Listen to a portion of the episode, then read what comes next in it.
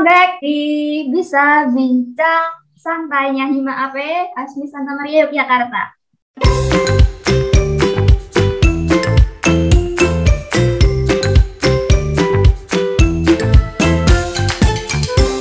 Ketemu lagi dengan saya Angela Meriti, biasa dipanggil Kulit, dan rekan saya. Halo semuanya, nama aku Arneta Presti Putri, biasa dipanggil Neta. Gimana nih kabar kalian semua teman-teman pendengar? Semoga baik-baik aja ya, semoga tetap mematuhi protokol kesehatan. Uh, jangan lupa makan yang bergizi, minum vitamin, gitu ya Neta ya. Iya, jangan lupa pakai masker juga ya kak kalau keluar. Iya bener banget, apalagi memang keadaan lagi ya pandemi ini belum selesai-selesai jadinya ya kita harus tetap bisa menjaga diri gitu. Nah, uh, untuk podcast kali ini kita itu mau ngebahas tentang Kartini dan perempuan masa kini.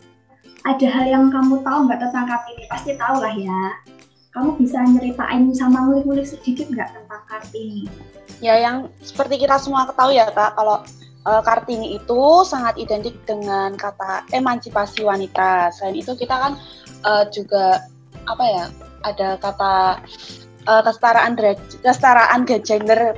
Lah ada ada maaf kak maaf kak maaf kak. Uh, aku ulangin ya kak. Ya. kesetaraan ya kita ketahui. ya.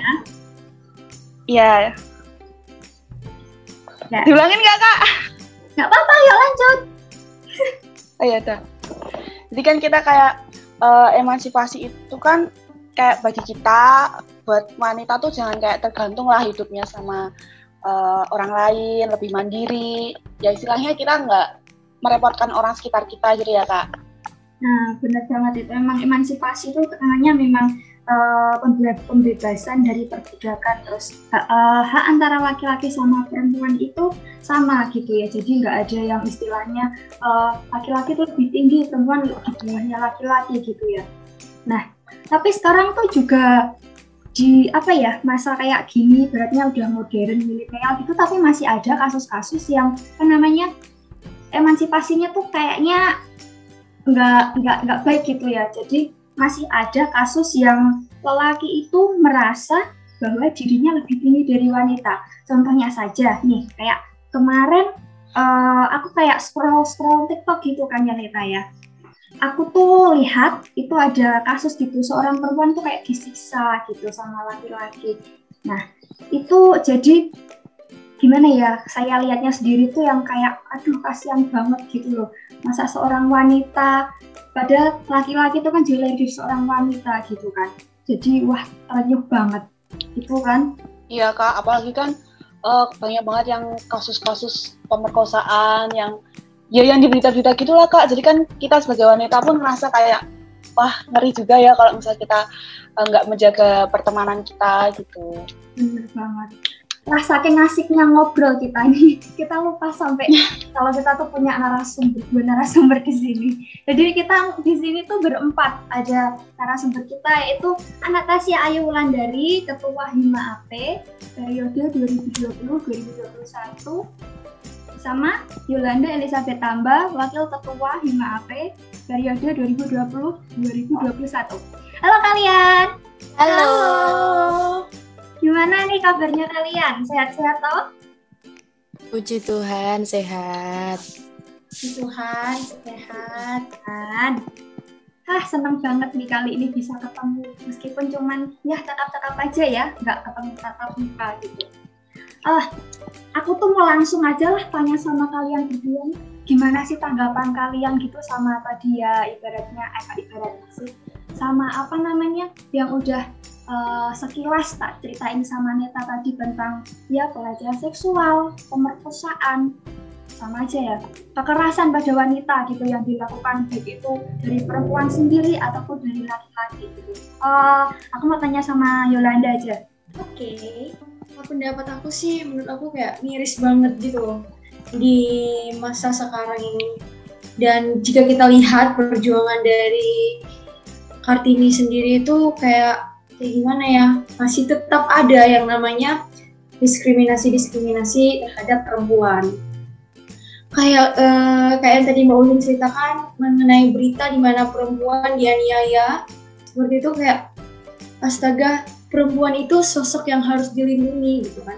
Walaupun dikatakan perempuan dan pria itu sama, tetapi pada dasarnya perempuan itu adalah makhluk yang harus dilindungi gitu. Tapi di satu sisi kita lihat kenyataan hidup masih banyak banget perempuan itu dijadikan pelampiasan sama laki-laki. Mau itu pelampiasan nafsu, pelampiasan amarahnya, seperti itu.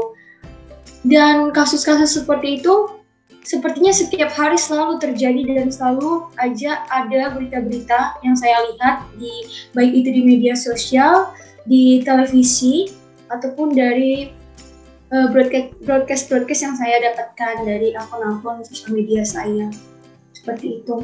Miris banget sih sebenarnya kasihan juga kayak saya sebagai wanita sendiri tuh kayak merasa takut gitu Oh, bener banget memang. Apalagi tuh tahu nggak sih itu tuh uh, dia mengalami kekerasan itu dia tuh sampai dirantai menggunakan rantai anjing tahu nggak? Jadi yang kayak bener-bener dia tuh merasa kesakitan dan sampai kepalanya tuh juga bocor karena dia dipukulin pakai obeng lah. Nanti teman-teman mungkin juga bisa nyari ya teman-teman pendengar itu ya teman-teman yang dengar podcast ini bisa nyari tuh di uh, Tribun News tuh bisa cari. Kok itu kejadiannya baru Jumat kemarin. Jadi miris banget gitu ya Yola ya. Kita dengarnya apalagi kita sebagai wanita gitu kan. Kok masih bisa-bisanya uh, apa ada kasus kayak gitu gitu. Nah uh, mungkin kasus kayak gitu mungkin salah satu uh, penyebabnya juga karena wanita itu mungkin pendidikannya kurang atau gimana gitu ya. Bisa jadi nggak sih Yola kalau misalnya kayak gitu kalau menurut saya ya, kalau masalah pendidikan, ya mungkin bisa jadi karena pengetahuan yang kurang, mungkin terhadap uh, terhadap uh, memilih pergaulan. Uh, aku boleh tanya nih Mbak Ulin, Mbak Ulin tahu nggak pelaku pelaku ininya siapa? Jadi kalau di apa artikel sama yang di TikTok itu ya, aku bacanya itu kalau di TikTok itu pacarnya, tapi ternyata yang di artikel itu uh, ternyata itu suaminya. Dan di video itu kayaknya ada anak kecil dan itu kurasa itu memang anaknya mereka gitu. Cuman di situ uh, cuman terlihat anak bapak dari wanita yang disiksa itu karena wanita itu sendiri yang menjadi korban penyiksaan itu gitu. Jadi gimana ya? Uh, seorang laki-laki menurutku kalau memang dia mau bertanggung jawab uh, dia udah bersedia untuk menjadi seorang suami harusnya bisa menjaga gitu. Bukannya malah uh, merusak uh, harkat dan nama baik wanita gitu kan. Jadinya kadang kan nggak semua lelaki itu kayak gitu. Tapi dengan kejadian-kejadian yang kayak gini wanita sering disakiti uh, mengalami tindak kekerasan itu rata-rata kan lelaki. Jadinya mungkin wanita banyak berpikir kalau semua lelaki itu kayak gitu gitu kan kalau disambut pautkan dengan banyak uh, pengetahuan tentang pengaturan emosional, mungkin kan kita juga nggak tahu kan uh, dasar-dasar apa aja yang uh, udah terjadi atau udah uh, sebelum-sebelumnya apa hal apa sih yang terjadi hingga sampai seperti itu. Kembali lagi sih ke ininya, karena itu menjadi dasar teori kita untuk uh, mengaplikasikan dalam kehidupan. Nah, bener banget itu. Nah, uh, tapi gini ya, sekarang aku mau tanya nih sama Ana. Sekarang tuh gini, banyak tuh kan kasus-kasus mungkin kalau di kota udah nggak terlalu ini ya. Tapi kalau di desa itu banyak ibu-ibu atau mungkin ya segelintir orang menganggap kalau wanita itu nggak perlulah sekolah yang tinggi. Pada ujungnya nanti juga akan menjadi ibu rumah tangga. Ya tahu sendiri kan yang kayak ada istilah wanita itu cuman uh, mungkin kodratnya masak, masak sama mana gitu kan. Nah, Uh, kalau menurut Ana, Ana tuh setuju apa enggak sih kalau perempuan itu tidak boleh menuntut ilmu yang lebih tinggi dan mempunyai karir yang bagus? Kalau menurut aku sendiri, aku nggak setuju. Karena ya pendidikan diciptakan untuk sama. Di dunia ini nggak cuma laki-laki doang yang bisa uh, jadi dokter kah, jadi apakah. Jadi semuanya itu sama. Dan aku baru mencari-cari sih kenapa banyak orang yang kayak gitu. Karena memang kenyataannya seperti itu. Setelah setelah sekolah tinggi tinggi misalnya satu S2 S3 gitu. Kalau namanya perempuan terus udah punya anak ya udah di rumah gitu kan. Kebanyakan kan kayak gitu. Terus udah sekolah tinggi tinggi misalnya eh, jadi guru S1 PGSD atau apa gitu ya atau misalnya kedokteran gitu. Kalau kedokteran sih kayaknya jarang ya untuk di rumah jadi ibu. Pasti mereka langsung praktek gitu ya. Tapi kalau misalnya kayak eh, tadi kayak apa namanya misalnya yang tetanggaku itu ada beberapa ya S1 gitu. Cuman dia nggak kerja di sekolah atau nggak kerja di mana jadi dia di rumah aja gitu ini kan ini kan jadi patut dipertanyakan juga karena dia punya anak gitu. Alasannya seperti itu. Ya memang betul terkadang beberapa orang itu ya memilih untuk mengurus anak gitu kan karena anak yang diutamakan gitu kan. Terus tapi ada juga yang pendidikannya cuma SD cuma SMP cuma SMA tapi selepas itu dia bisa menghasilkan uang gitu. Jadi ini yang bikin agak rancu gitu ya. Agak pemikiran orang kan jadi berbeda-beda karena ini.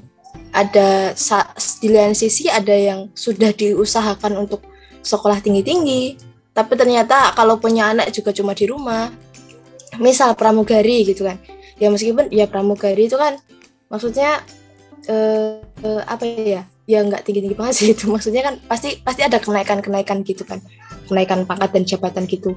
Nah itu kalau udah eh, sebagian maskapai itu kalau udah punya anak pasti kontraknya ini kontraknya pasti hilang gitu. Benar nggak? Ya kan? Nah terus nanti jadinya apa? Di rumah juga gitu. Atau misalnya ya banyaklah kasus kayak gitu. Cuman ketika mendapati seseorang yang hanya lulusan SMA kemudian uh, dia bisa menghasilkan uang tanpa background dengan uh, pendidikan itu kayaknya kita pendidikan sia-sia banget gitu loh. Buat apa sekolah tinggi-tinggi kalau akhirnya cuma di rumah. Nah itu pemikiran kayak gitu yang bikin beberapa orang berasumsi seperti itu. Dan itu masih terjadi kok di di sekitarku masih banyak. Masih banyak yang bilang kalau buat apa sih? Orang ntar juga nikah pasti ngurus anak gitu kan. Gitu-gitu sih. Iya sih ya. Jadi sebenarnya kayak gitu tuh kayak lingkungan juga mungkin mempengaruhi ya Nia ya. jadi kalau iya. sih uh, untuk kayak gitu tuh mungkin kembali lagi ke pribadi masing-masing setiap perempuan atau setiap orang gitu terkadang Betul. bagaimana menyikapinya aja gitu benar uh, kadang kan juga mungkin memang untuk uh, menempuh pendidikan itu kan nggak semua orang itu mampu. Cuman kalau misalnya kita mau berusaha kan sekarang gadget gadget itu kan semua orang sudah punya gitu. Jadi kita bisa belajar dari YouTube. Pokoknya dari konten-konten itu kan kita bisa belajar gitu. Jadi kalau menurutku mungkin uh, kembali lagi gitu ya ke masing-masing pribadi gitu ya. Iya betul. Karena gimana ya kalau ada orang lain yang nyuruh kita berkembang tapi kalau kita sendiri nggak mau berkembang ya buat apa gitu kan Neta mau tanya nggak nih asik banget nggak sih ini uh, obrolannya ini dan Neta mau tanya asik banget sih kak uh, gini kak. Kan tadi kak Ana bilang kalau misalnya nggak hmm. setuju nih kalau ada uh, perempuan yang nggak boleh lah nuntut tinggi. Buat apa sih baru ujung-ujungnya juga di rumah masa ngurus anak? Kan kak Ana tadi bilang gitu ya kak. Uh, aku mau tanya nih, uh, gimana sih cara Kak Ane dan Kak Yola membuktikan sama semua orang kalau wanita tuh nggak pantas lah dianggap uh, dipandang sebelah mata seperti itu. Apalagi kan uh, Kak sebagai sama Kak Yola kan sebagai ketua dan wakil ketua Hima AP. Nah, uh, untuk membuktikannya itu seperti apa gitu kan? Dari Kak Ane dulu nggak? Oke, okay. dari aku ya. Kalau aku sih prinsipku gini, kita ketika mendapat sebuah cacian atau misalnya direndahkan seperti itu, ya kita cuma punya dua tangan, nggak usah didengerin lah gitu. Terus cara membuktikannya ya kita menyelam minum air. Kita diam, tapi kita melakukan. Apa sih yang mau ditargetkan untuk membalas, bukan membalas ya, lebih tepatnya kayak apa yang mau dilakukan untuk membuktikan. Nah, kayak podcast ini mungkin sebagian orang ngomong gini ya ini hima apa kenapa sih nggak ada acara? Gimana sih ketuanya? Gitu kan pasti ngomong gitu. Ada pasti yang ngomong gitu. Cuman coba uh, dilihat dari masalahnya dulu apa gitu ya kan? Masalahnya kita di sini adalah nggak ada waktunya nggak bisa berkumpul dan masa pandemi gitu kan? Harusnya kan bisa berpikir lebih cerah seperti itu. Nah ketika uh, ada orang yang gitu ya udah demin aja gitu. Dan buktikan pakai kegiatan-kegiatan ya kayak gini podcast terus aktif di medsos gitu-gitu kan? Nah terus satu lagi uh, menurutku orang yang kayak gitu itu ya udahlah gak usah digubris. Karena dia belum tentu bisa jadi pemimpin yang baik gitu. Meskipun dia seorang lelaki pun kalau misalnya dia memimpin belum tentu dia seperti perempuan gitu kan. Karena nyatanya di ASMI aja kita lihat deh uh, perempuan sama laki-lakinya memang dominan perempuan ya. Dan kenapa? Di sini dominan perempuan tapi yang lebih kuat adalah perempuan. Laki-lakinya mana? Padahal mereka terkenal kuat gitu kan. Tapi laki-lakinya mana? Gitu kan. Ada mungkin yang berani speak up cuma beberapa dan ku lihat di Asmi ini beberapa cowoknya kritis. Cuman nggak mau aksi gitu aja. Jadi gimana gimana caranya supaya yang perempuan ini diem tapi beraksi nah gitu loh jadi nggak cuma ngomong doang karena cewek atau perempuan di Asmi itu terkenalnya dengan ngomong uh, apa ya cewek itu terkenal dengan ngomongnya itu banyak gitu loh. Aksinya dikit gitu. Tapi masalahnya di sini lagi ada cowok pikirnya kritis tapi nggak bisa ngelakuin banyak aksi. Cuma halo aja gitu kritisnya. Nah kayak gitu sih menurutku. Entah Yolanda oh, setuju iya. atau enggak menurutku kayak gitu. Iya. Ya, aku setuju sih sama pendapat Ana. Dan kalau aku pribadi sih kalau yang kayak melihat wanita itu sebelah mata itu gimana eh, gimana ya? Di Indonesia memiliki perusahaan sendiri seperti itu dan berpengaruh bagi perekonomian di Indonesia juga. Bisa juga kita lihat nih ya contoh yang mungkin semua orang pada umumnya tahu gitu ya kan? Uh, Najwa Shihab ya kan? Yep. terkenal dengan uh, pemikirannya sangat kritis. Dan itu tuh udah sebagai contoh nyata banget sih menurut aku kayak nggak perlu lagi lah kalian melihat gitu ya kan mencari yang mana buktinya mana buktinya tapi udah tampak nyata. Dan aku pribadi sih bakal kalau misalnya menemukan orang yang memandang sebelah mata wanita itu aku nggak bakal banyak ngomong. Tapi aku kayak menunjukkan ini loh bukti nyatanya. Dan bukti nyatanya pun bisa kita lihat dari yang kayak sekarang kepemimpinan Hima AP kan dipimpin oleh kita oleh Ana dan aku sebagai wakil itu aku buktikan dengan gimana kita memberikan kinerja yang baik buat Hima AP ini. Betul gitu betul. aja sih. Berarti kan istilahnya kayak uh, mau mereka ngomong apa kayak kita ya udahlah nggak usah didengerin toh. Kita ya, bisa iya. uh, nunjukin aksi lebih kayak ini loh kita sebagai wanita kita juga bisa nggak cuma dipandang rendah tapi kita juga bisa nunjukin kalau kita tuh mampu untuk melakukan yang dilakukan oleh pria ya kan kak? Betul. Betul sekali. Betul banget. Pada intinya nah, terus? pada intinya kita tuh uh, sebagai wanita tuh harus bisa membuat aksi yaitu aksinya tuh bukti nyata gitu ya. Ya. Terus kan uh, kita ini kan sebagai wanita punya bermacam-macam keunikan ya kak. Dari setiap pribadi pun kita punya perbedaan.